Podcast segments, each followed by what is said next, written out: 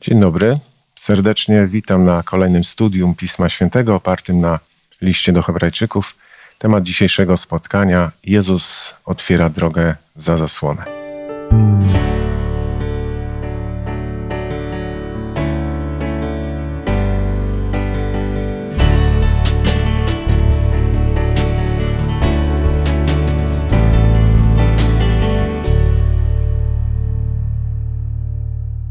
Spotykamy się z Boże Kościoła Adwentystów Dnia Siódmego w Podkowie Leśnej.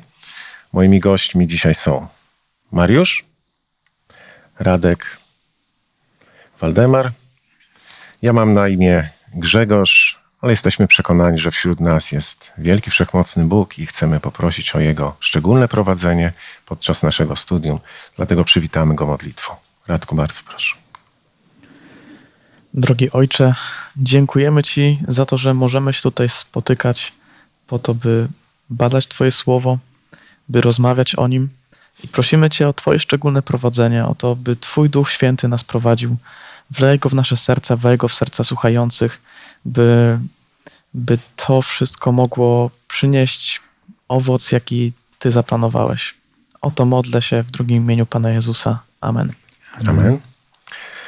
Dziękuję Wam, moi drodzy, że zechcieliście podjąć się dyskusji nad y, trudnym tematem. Dzisiaj będziemy mówili o tajemniczej zasłonie, będziemy mówili o służbie Pana Jezusa, co się stało po wniebowstąpieniu. A list do Hebrajczyków jest szczególny pod tym względem, dlatego że z jednej strony porusza e, zbawczą rolę Pana Jezusa, ale mówi także o tej stwórczej roli Pana Jezusa, no i mówi również o misji, którą Jezus sprawuje mm, w niebie. E, także jest e, wątek, który dzisiaj poruszymy w dziesiątym rozdziale, szczególnie listu do Hebrajczyków. Pojawia się temat, można by go uogólnić i nazwać pośrednictwem. Pozwólcie na pewno taką anegdotę, historię.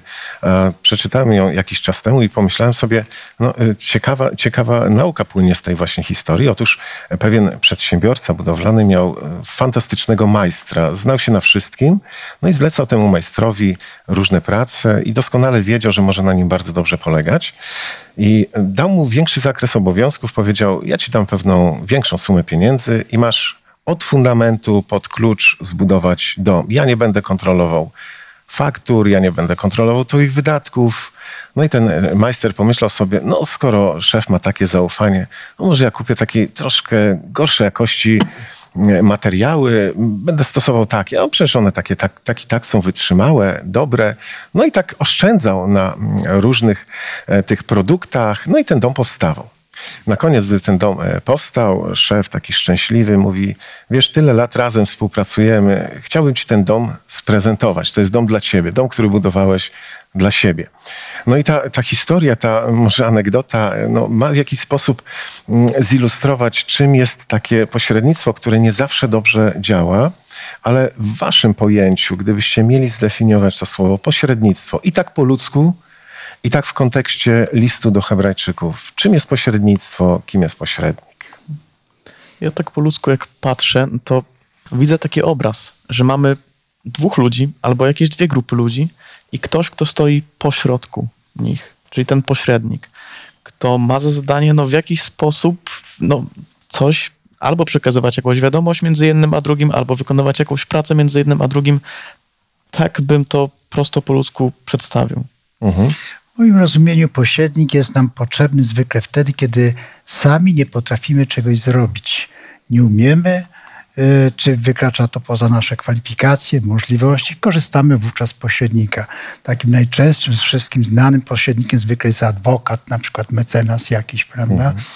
Y, a, a propos budowy, no to można wynająć na przykład kierownika budowy, który za nas będzie kontrolował tego budującego, aby wszystko dobrze, zgodnie z zasadami zbudował. A więc pośrednicy w życiu są niezwykle potrzebni. Natomiast e, jeżeli chodzi o nasze nadzieje na zbawienie, nasze nadzieje na życie wieczne, no to trzeba umieć wybrać pośrednika, moim zdaniem, w szczególny sposób. To nie jest takie łatwe, ponieważ na świecie tych pośredników jest bardzo dużo, się okazało. No i wybrać właściwego to chyba jest e, najważniejszą kwestią, kwestią, że tak powiem, nawet życia i śmierci. Mhm, tak, dziękuję bardzo. Czy to zawsze dobrze działa? Graliście kiedyś w tak zwany głuchy telefon?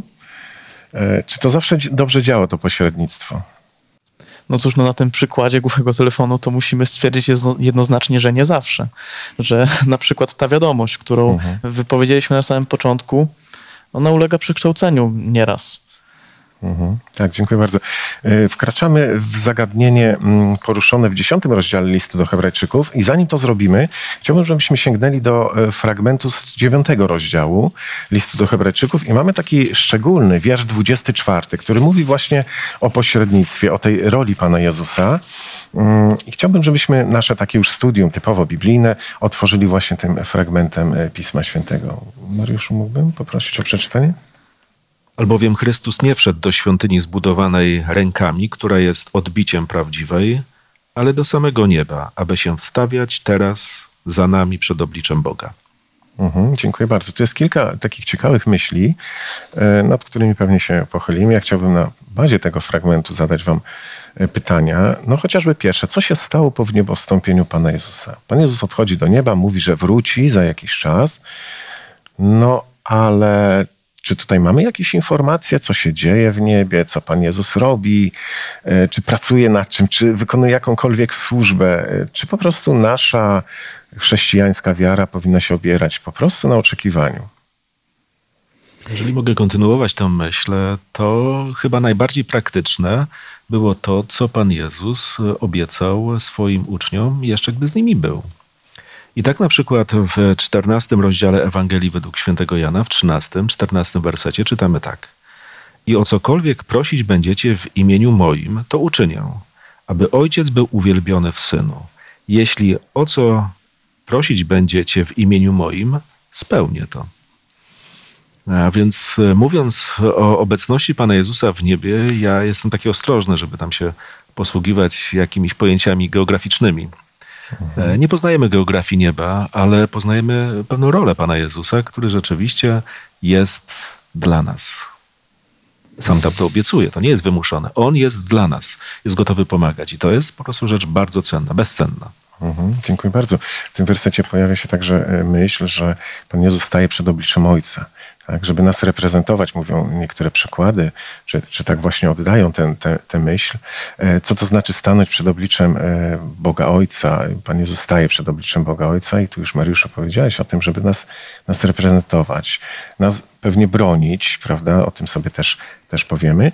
I ja chciałbym jednak e, tutaj zatrzymać się na tej myśli związanej mm, czy nawiązującej do, tym, że, do tego, że Jezus staje przed obliczem Ojca. I była taka ciekawa zasada w starożytnym Izraelu, że każdy mężczyzna trzy razy w roku musiał udać się do Jerozolimy, e, złożyć ofiarę, e, ale oczywiście to związane było z, pewnymi, e, z pewnym cyklem świątynnym, pewnym cyklem czy nakładającym się takim rocznym, rocznym kalendarzem świąt i stawał przed, przed obliczem Boga, jest powiedziane. Musiał stanąć przed obliczem Boga. Z czym to było związane? Czy, czy moglibyście krótko powiedzieć, o jakie święta chodziło, czy jakaś symbolika płynie z tego? Jak to ma się do służby Pana Jezusa dzisiaj? To, co dzisiaj Pan Jezus robi w niebie, jest dla nas przede wszystkim wiadome z tego powodu, że znamy e, całe ceremonie e, Starego Testamentu w świątyni ziemskiej. Historia zbawienia jest określona w tych właśnie rytuałach świątynnych, e, która została zbudowana, jak już wiemy, e, na podobieństwo tej niebiańskiej. Po mm, niebowstąpieniu Pana Jezusa następuje się służba arcykapłańska Pana Jezusa. No arcykapłan co robi? Przede wszystkim wchodził do świątyni, do miejsca świętego z krwią ofiar baranków składanych, prawda, wcześniej i oczywiście kropił tam ołtarz i tak dalej i wnosił te y, prośby i błagania o wybaczenie tym Izraelitom, którzy złożyli ofiary ich grzechów. I Pan Jezus tym razem w świątyni niebiańskiej przynosi własną krew ofiarowaną, prawda, za nas. I więc jest to taka wstawiennicza na podstawie własnej ofiary służba arcykapłańska. Mhm, tak, dziękuję bardzo. Dziękuję. Mhm. Czy ktoś jeszcze chciałby rozwinąć tę- tę myśl, też w nawiązaniu do tego starożytnego Izraela? Ja bym podkreślił myślę, może tę taką najbardziej podstawową, e, a mianowicie to, że człowiek, który przychodzi do świątyni, e, to Bożym takim życzeniem, pragnieniem było to, żeby on stanął przed jego obliczem. No to takie oficjalne stwierdzenie, ale żeby stanął przed Bogiem. E, I to jest może takie elementarne znaczenie, ale zarazem wcale nie takie oczywiste, bo ludzie do świątyni, tak jak dzisiaj nawet do kościoła możemy powiedzieć, chodzą z różnych powodów. Czasami rzeczywiście stajemy przed obliczem Boga, a czasami idziemy, żeby się z kimś spotkać, żeby. I tutaj lista byłaby długa. Izraelici też byli bardzo pomysłowi, jak sobie mogli ten czas e, świąt w Jerozolimie wypełnić, bo to był czas, który można było różnie spożytkować. Natomiast Bóg chce bliskości.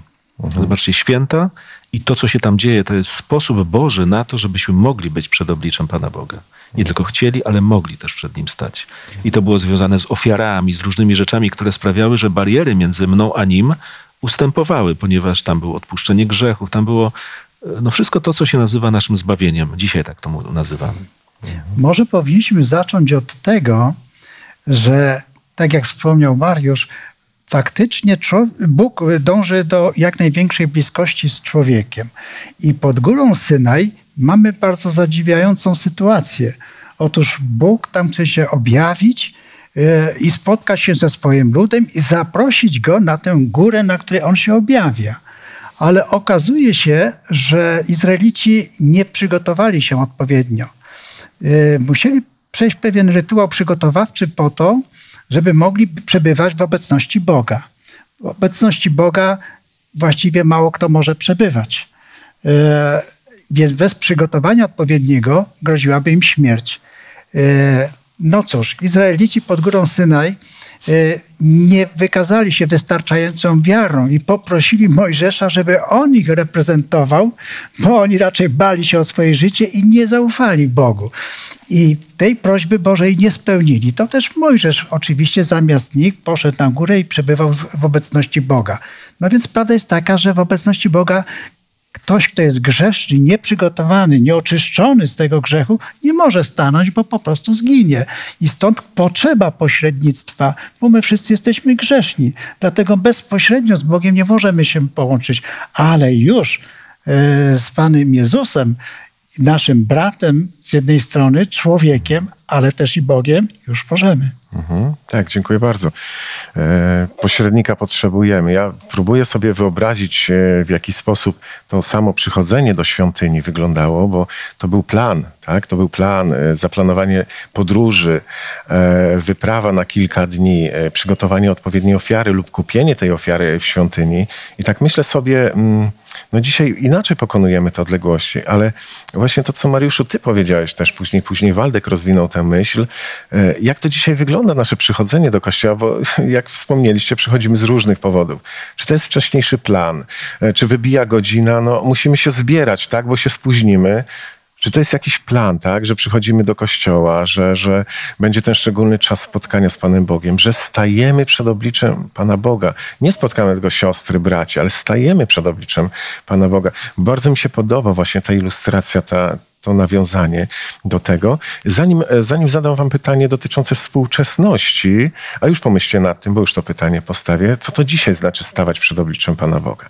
Czy w jakiś sposób no, przygotowujemy się? Bo Izraelici wtedy robili to z wielkim takim namaszczeniem. Oczywiście nie wszyscy, bo, bo wiadomo, że byli ludzie bardzo wierzący, ale też byli tacy ludzie letni, jakbyśmy dzisiaj, dzisiaj powiedzieli. Ale chciałbym to pytanie, abyśmy poprzedzili dwoma wersetami Pisma Świętego.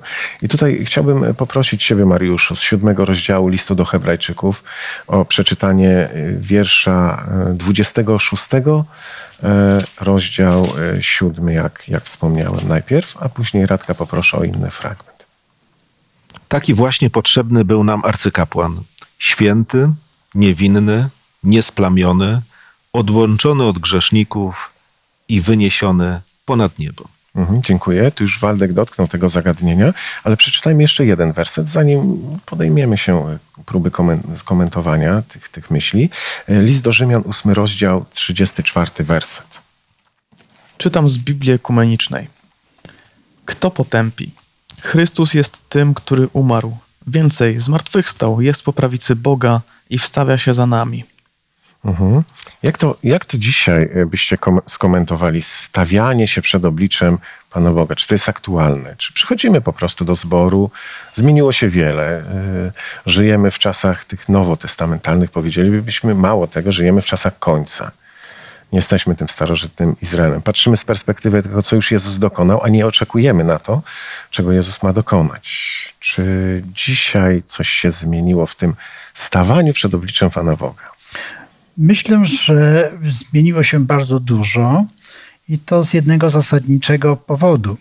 Otóż e, e, wprowadzenie przez papiestwo Dnia Świętego w niedzielę, e, liczącego właściwie według czasu mm, od północy do północy doby, spowodowało, że to, co kiedyś było praktykowane zarówno w chrześcijaństwie, jak i wcześniej w judaizmie, że dniem był dzień przygotowania. Dniem przygotowania do szabatu, do Dnia Pańskiego, no był piątek. W piątek należało przed zachodem słońca wykonać wiele rzeczy, aby już w szabat, e, który zaczynał się wraz z zachodem słońca w piątek, nie wykonywać innej pracy, lecz być już w łączności z Bogiem.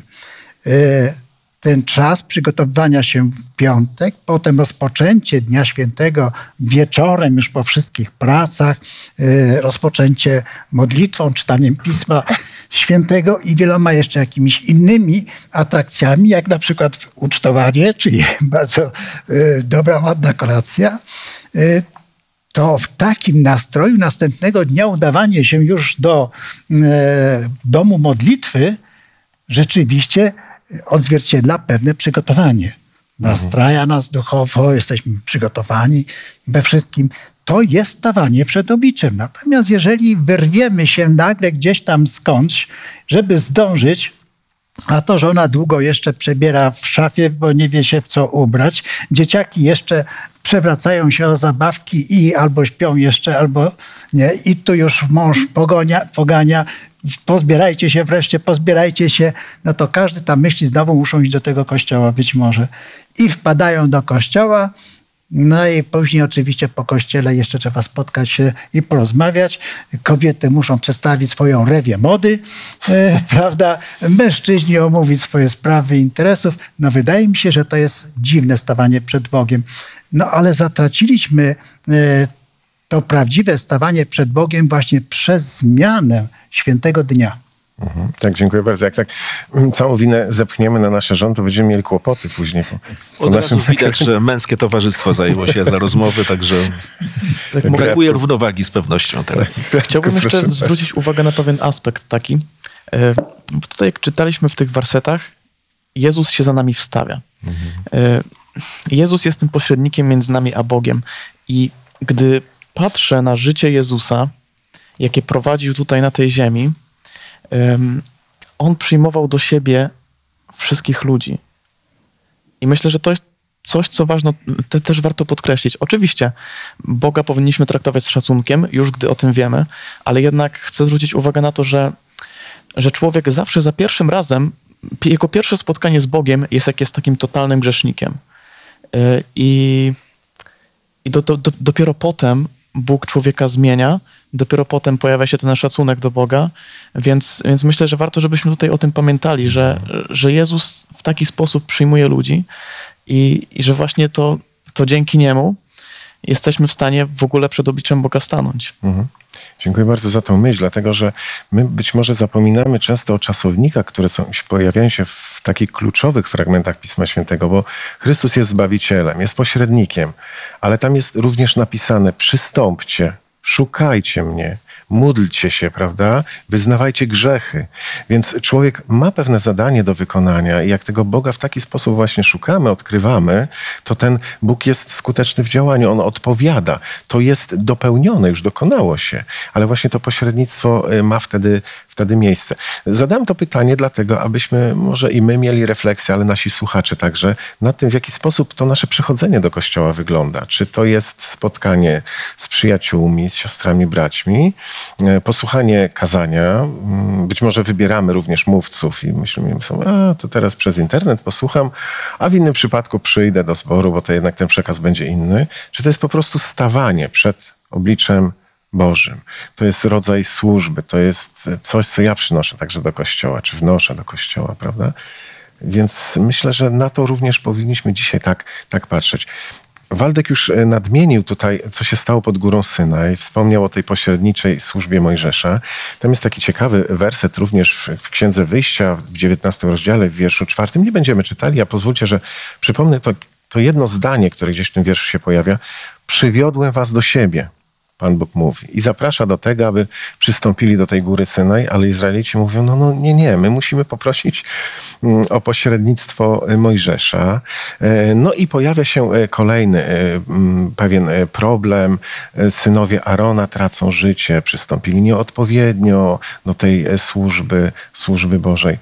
Gdybyśmy mieli złożyć te, te doświadczenia starotestamentowe i zwrócić uwagę na pewne myśli, które pojawiają się w liście do Hebrajczyków, bo tu jest mocne nawiązanie właśnie do tych historii, a chciałbym, żebyśmy zrobili to na bazie fragmentu, który jest zapisany w dziesiątym rozdziale listu do Hebrajczyków.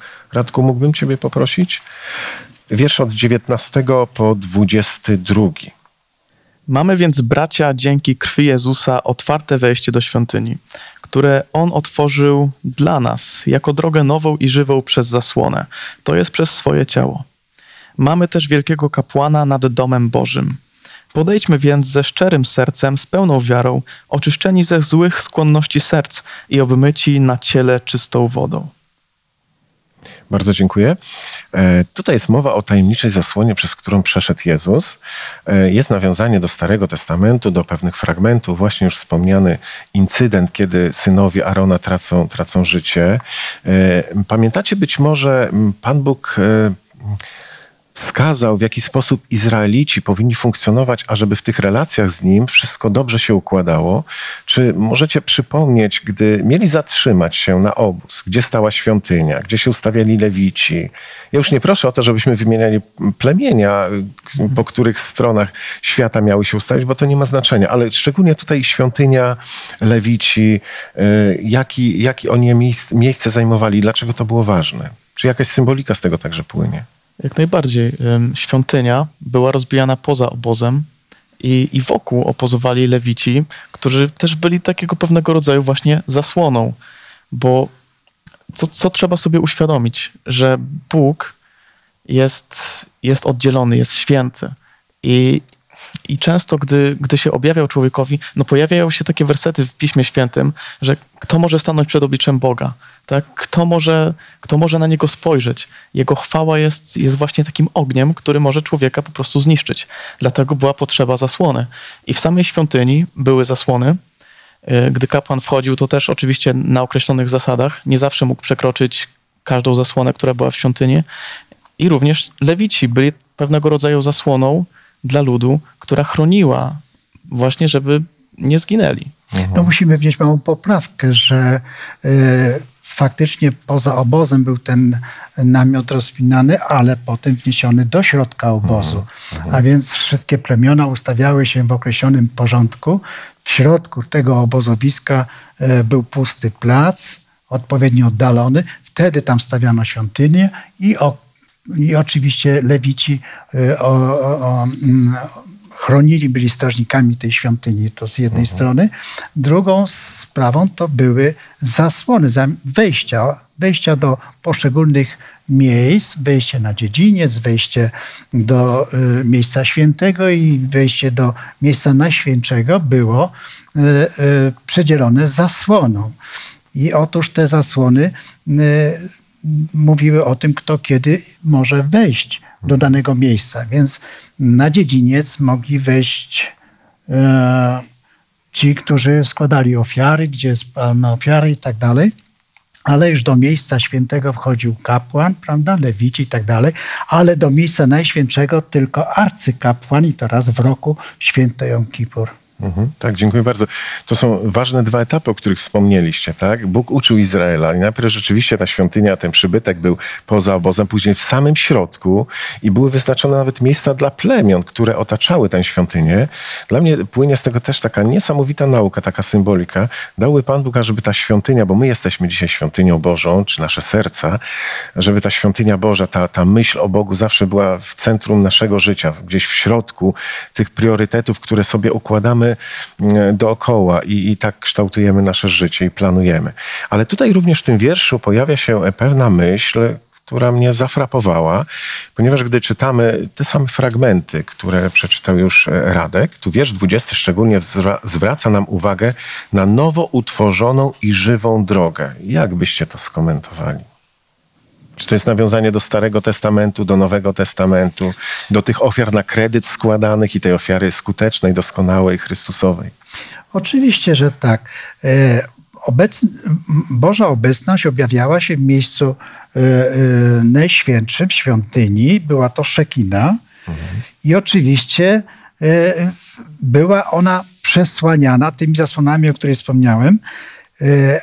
A dzisiaj mamy prawie że bezpośredni dostęp do Boga poprzez Pana Jezusa to Pan Jezus jest tą dzisiaj zasłoną, bo tam pisze o tym, że to jest przez ciało, prawda? Przez ciało Pana Jezusa. On jest zasłoną i jednocześnie pośrednikiem. On może wejść do miejsca świętego, do Najświętszego, jest zresztą w niebie i może zanosić do Ojca nasze e, prośby, bo właściwie po co my przychodzimy do świątyni? Tak naprawdę to trzeba sobie powiedzieć, że przychodzimy z prośbami. Prośbą po co? O co? o zbawienie, o to, żeby e, Bóg przebaczył nam nasze grzechy. Przecież po to przychodzimy głównie, prawda? E, Przychodzimy jeszcze po wiele innych rzeczy, żeby zmienił nasze charaktery, prawda, na podobieństwo Pana Jezusa i tak dalej. Ale idziemy tam z prośbą. Pan Jezus przedkłada te prośby i my musimy mm, przyjść jednak do miejsca świętego, ale nie do końca. Musimy przejść przez Pana Jezusa. Ale popatrzmy, jaka była droga starożytnego Izraela do e, miejsca świętego, do Boga, a jaką dzisiaj mamy. Dzisiaj oddziela nas tylko Jezus Chrystus i to w osobie e, i Boga, i człowieka. Więc to jest e, taka krótka droga, że, że, że właściwie to powinniśmy być szczęśliwi, że, że nawet nie krótsza. Znaczy, Kiedy Dziękuję. mówimy, ja przepraszam, nie czepiam się, ale nas Jezus nie odgradza od Boga Ojca. On, No nas, on nas łączy z Ojcem, zobaczcie. Nie? I, I na tym polega to pośrednictwo, że to nie jest bariera. E, Rzeczywiście, jeżeli ktoś jest grzesznikiem, to niech się nie zbliża, bo to, bo to nie zadziała tak, że, że coś się mechanicznie wydarzy, automatycznie zadziała. Natomiast mamy do czynienia z taką Bożą propozycją.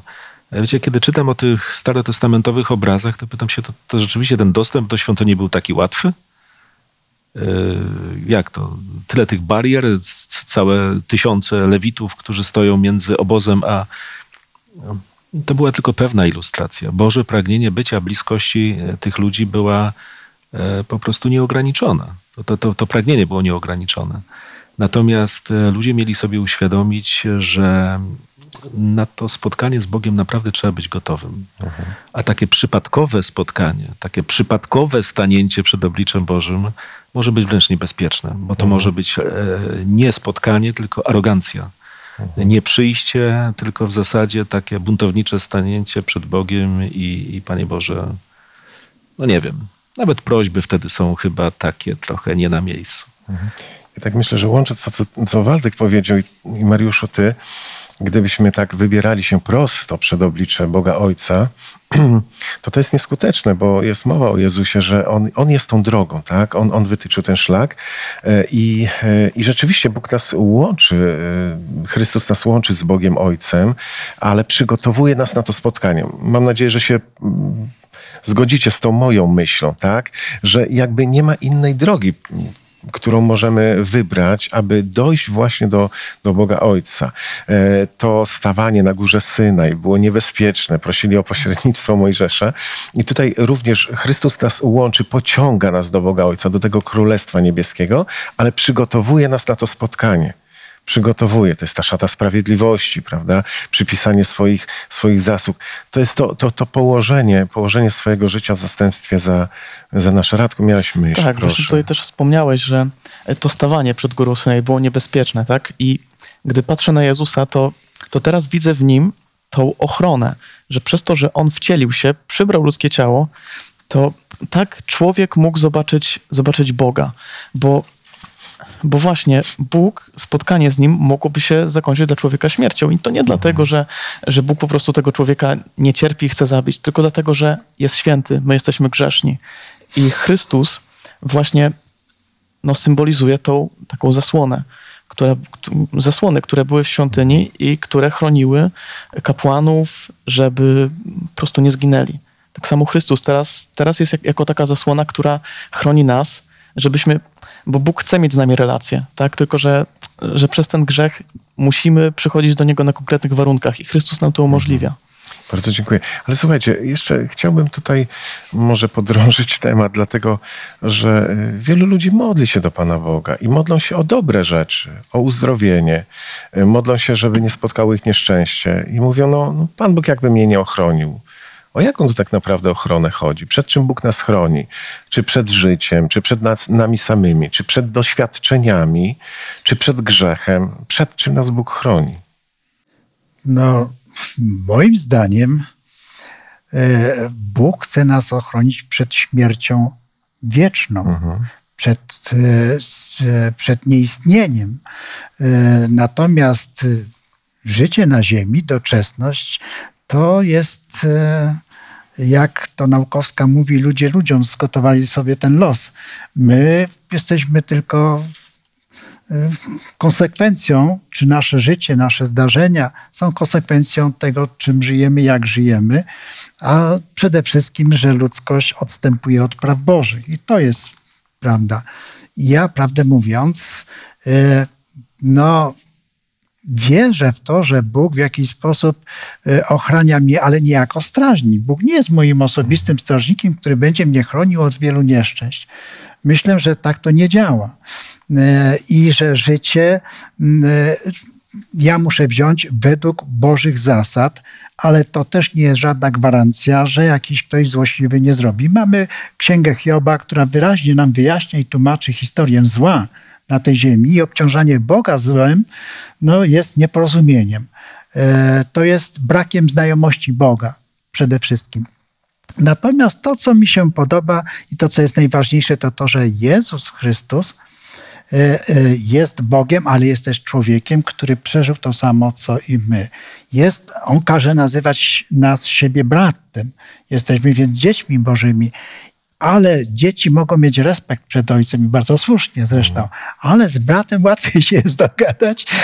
Jest trochę może trywializuję to, ale naprawdę Pan Jezus zna życie na ziemi bardzo dokładnie i dlatego łatwiej mi z nim rozmawiać. Mhm, dziękuję bardzo. Czyli z jednej strony wy jako chrześcijanie doświadczacie także trudów? Tak. Tracicie wiarę? No nie. Wręcz przeciwnie. Być może to nas przybliża do Pana Boga i bywa tak, że przechodzimy czasami przez doświadczenia. E, Tutaj może taka myśl z psalmu 23. Choćbym przed ciem- ciemną doliną zła się nie ulęknę, bo Ty jesteś ze mną, co nie znaczy, że nie będziesz szedł przez ciemną dolinę, ale Bóg będzie z Tobą. Więc chrześcijanie, którzy stawiają na szale wiarę w Boga lub nie z powodu doświadczeń życiowych, to chyba nie na tym zasada się relacja, nie buduje się relacji społecznej z- Panem Bogiem. Nie na tym polega te prawdziwe chrześcijaństwo, naśladownictwo Pana Jezusa. Rzeczywiście to, co Walde, Waldemar tutaj mm, powiedział, Bóg chce uchronić nas od tej śmierci, od tego unicestwienia na wieki. Chce, żebyśmy byli razem z Nim. Bóg nas tu ratuje z wielu opresji, ale również czasami dopuszcza pewne doświadczenia. To jest jedna z część. Natomiast zobaczcie, kiedy czytamy dziesiąty rozdział listu do Hebrajczyków, od 19 wiersza to jest no, najpierw nawiązanie do pełnej symboliki świątyni, ale nie wszystko tu jest symboliczne. Posłuchajmy. Mając więc bracia ufność, iż przez krew Jezusa mamy wstęp do świątyni, drogą nową i żywą, którą otworzył dla nas poprzez zasłonę, to jest przez ciało swoje, oraz kapłana wielkiego nad domem Bożym, wejdźmy na nią ze szczerym sercem, pełni wiary, oczyszczeni w sercach od złego sumienia i obmyci na ciele wodą czystą. To jest droga, którą Bóg nas prowadzi. E, Nie droga cierpień albo droga luksusu. E, To jest kwestia szczerości, czystego sumienia, pewnego obmycia ciała i ducha. Mm, To jest właśnie rola kapłana, który sprawia, że staje przed obliczem Pana Boga jako ten, który skorzystał z jego ofiary. I po to mi ta bliskość Pana Boga, bo jeżeli jestem sobą takim, jakim byłem zawsze i, i się nie zmieniam, i się nie zmienia, to bliskość Pana Boga jest mi nie na rękę, bo to jest groźne. I kiedyś ta groza rzeczywiście wielu ludzi dotknie, jak mówi Biblia, ale, ale list do Hebrajczyków zachęca, żebyśmy przyszli przed oblicze Boga na Jego zasadach, na Jego warunkach. I to jest dla nas dobre, bo przede wszystkim tak mamy patrzeć na efekt tego pośrednictwa Jezusa Chrystusa. Mhm, Bardzo dziękuję. Gdy porównujemy, bo list do Hebrajczyków wyraźnie do tego nawiązuje, do tego Starego, Nowego Testamentu, e, czyli opartego na krwi Pana Jezusa, no możemy powiedzieć ofiary niedoskonałe, chociaż wybierało się doskonałą ofiarę. Kapłan za siebie musiał składać ofiarę, zanim złożył ofiarę, czy pomógł złożyć ofiarę, zabić tą ofiarę, uśmiercić w imieniu tych, którzy przyszli z grzechami. I tutaj mamy pośrednika, który jest doskonały, wieczny, złożył doskonałą ofiarę i łączy w sobie jedno, wszystko, prawda? Bo to jest i arcykapłan, to jest i pośrednik, e, to jest ta doskonała ofiara. I on przechodzi przez tą zasłonę. No i Jezus jest wspomniane, że jest tą, e, tą drogą. Tutaj szczególnie Ewangelia Świętego Jana, 14 rozdział, werset 6. Jestem droga, prawda i życie.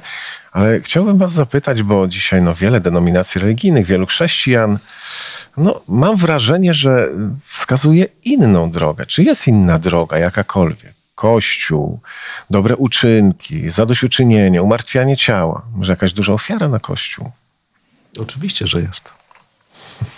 Jak wiele dróg, słuchajcie, naprawdę człowiek wymyśla sobie i tworzy i ma przekonanie, że to tak jak trzeba, e, natomiast nie wszystkie prowadzą do tego celu. Właściwie oprócz tej jednej żadna nie prowadzi do celu.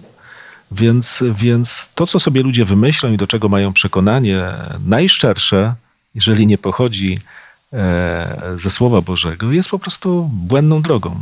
Drogą, która prowadzi na manowce. Natomiast zobaczcie, kiedy mówimy o tym, o tym takim zachęcaniu człowieka, to no nawet właśnie w liście do Hebrajczyków w czwartym rozdziale czytamy przystąpmy tedy do Niego z ufną odwagą, do właśnie do tego tronu łaski, abyśmy znaleźli łaskę i pomoc no, w- po prostu w stosownej porze. E, To jest to. Bóg jest e, tak samo bliski każdemu człowiekowi, czy mieszka na tym, czy na innym kontynencie. Nie muszę być tu czy tam, żeby być bliżej tego Pana Boga. E, Tam jest mowa o łasce, o Bożym miłosierdziu. Jedynie na to możemy liczyć, bo po to jest nam potrzebny pośrednik, ten, Jezus Chrystus, który mając Bogu do, Ojcu do zaoferowania właśnie tę sprawiedliwość Jego, mówi to właśnie w tym imieniu ten człowiek położył nadzieję i tylko to go prowadzi do tego, żeby rzeczywiście mógł myśleć, poważnie myśleć o życiu wiecznym. I to jest, powiem wam, że jedyna droga i wystarczająca. I taka, której naprawdę poprawianie jest chyba złe. Złe słowo.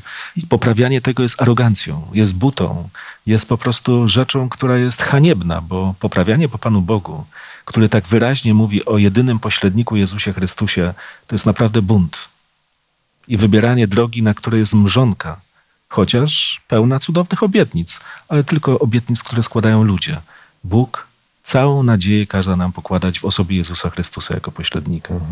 I to jest dobra nadzieja, którą powinniśmy głosić zgodnie z wezwaniem Pana Jezusa. Idźcie na cały świat i głoście tę Ewangelię, tę dobrą nowinę, że mamy w osobie Pana Jezusa i tę drogę, prawda, i przebłaganie, i wszystko.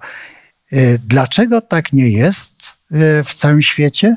No, widać, prawdziwi chrześcijanie nie wykonują swojego polecenia i zalecenia. Można powiedzieć w ten sposób. Jeżeli w wielu kościołach ludzie tego nie wiedzą, to ktoś zaniedbuje swoje obowiązki.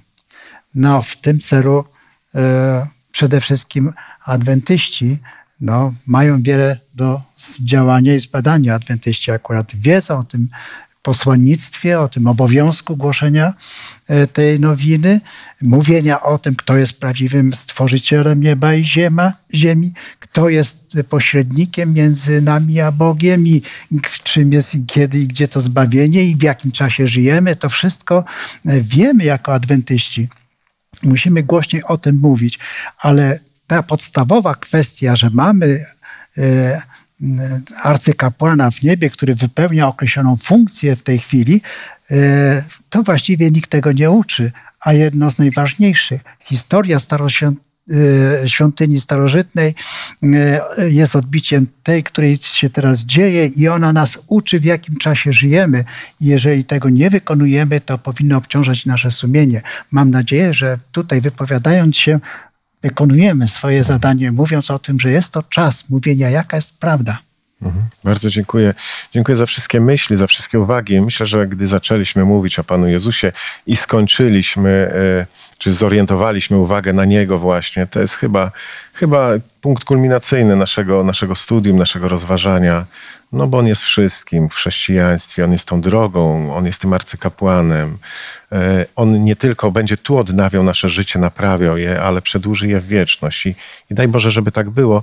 Jako taki szczególny akcent, ja chciałbym, żebyśmy przeczytali jeszcze dwa wersety w podsumowaniu. Radku, mógłbym Ciebie prosić. Pierwszy list do Tymoteusza 2,5, a ja przeczytam z listu do Efezjan później, ale to powiem, który werset. Najpierw skupmy się na tym fragmencie z pierwszego listu do Tymoteusza, drugi rozdział, drugi rozdział tak, werset piąty.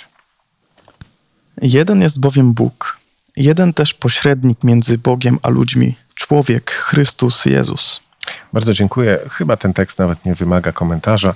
Ja pozwolę sobie przeczytać z listu apostoła Pawła do Efezjan z drugiego rozdziału, wiersz 18-19. Gdyż przez niego mamy dostęp do Ojca, jedni i drudzy w jednym duchu. Tak więc nie jesteście już obcymi przybyszami, lecz współobywatelami świętych i domownikami Boga. Bogu niech będą dzięki za takiego przyjaciela, za takiego pośrednika, za arcykapłana. Chcemy za to podziękować w modlitwie. Waldku, bardzo proszę. Boże, Ojcze Wszechmogący, Stworzycielu nieba i ziemi, dziękujemy Ci za apostoła Pawła i za ten jego list do Hebrajczyków, który tak jasno i pięknie wykłada o Twojej, Panie Jezu, roli, jaką spełniasz, że jesteś tym pośrednikiem jedynym, że jesteś tym najwspanialszym arcykapłanem, do którego możemy przyjść w każdej chwili i liczyć na to, że wstawi się za nami do naszego Pana Boga o przebaczenie. Ale chcielibyśmy, żeby ta prawda dotarła na cały świat. Dlatego prosimy o Ducha Świętego dla wszystkich szczerych chrześcijan, aby zechcieli przeczytać tę księgę, tę księgę do Hebrajczyków i poznali prawdę o roli naszego Zbawiciela, Pana Jezusa za wszystkie dobroci, jakie zyskujemy przez Ciebie, przede wszystkim przez słowa Twoje, przez słowo Twoje, które jest w Piśmie Świętym, który jest naszym chlebem powszednim. Za ten chleb powszedni szczególnie dziękujemy Tobie i chwałę Tobie chcemy oddać, bo Ty jesteś tym, w którego wierzymy, w którym pokładamy nadzieję i liczymy na życie wieczne z Tobą. Amen. Amen. Dziękuję za Waszą obecność, za Wasze myśli, komentarze, wypowiedzi. I w imieniu nas wszystkich, drodzy widzowie, chciałbym Wam również podziękować za Waszą obecność i życzyć przede wszystkim, żeby ta świątynia, świątynia w symbolicznym znaczeniu była zawsze w centrum Waszego życia, żebyście znaleźli tą jedyną właściwą drogą, drogę, jaką jest Chrystus Jezus, nasz Pan, i niech Bóg Was prowadzi tam do tego wiecznego, lepszego świata. Zapraszamy także na kolejne studium, którego tytuł brzmi Jezus, sprawca i dokończyciel naszej wiary. Zapraszam.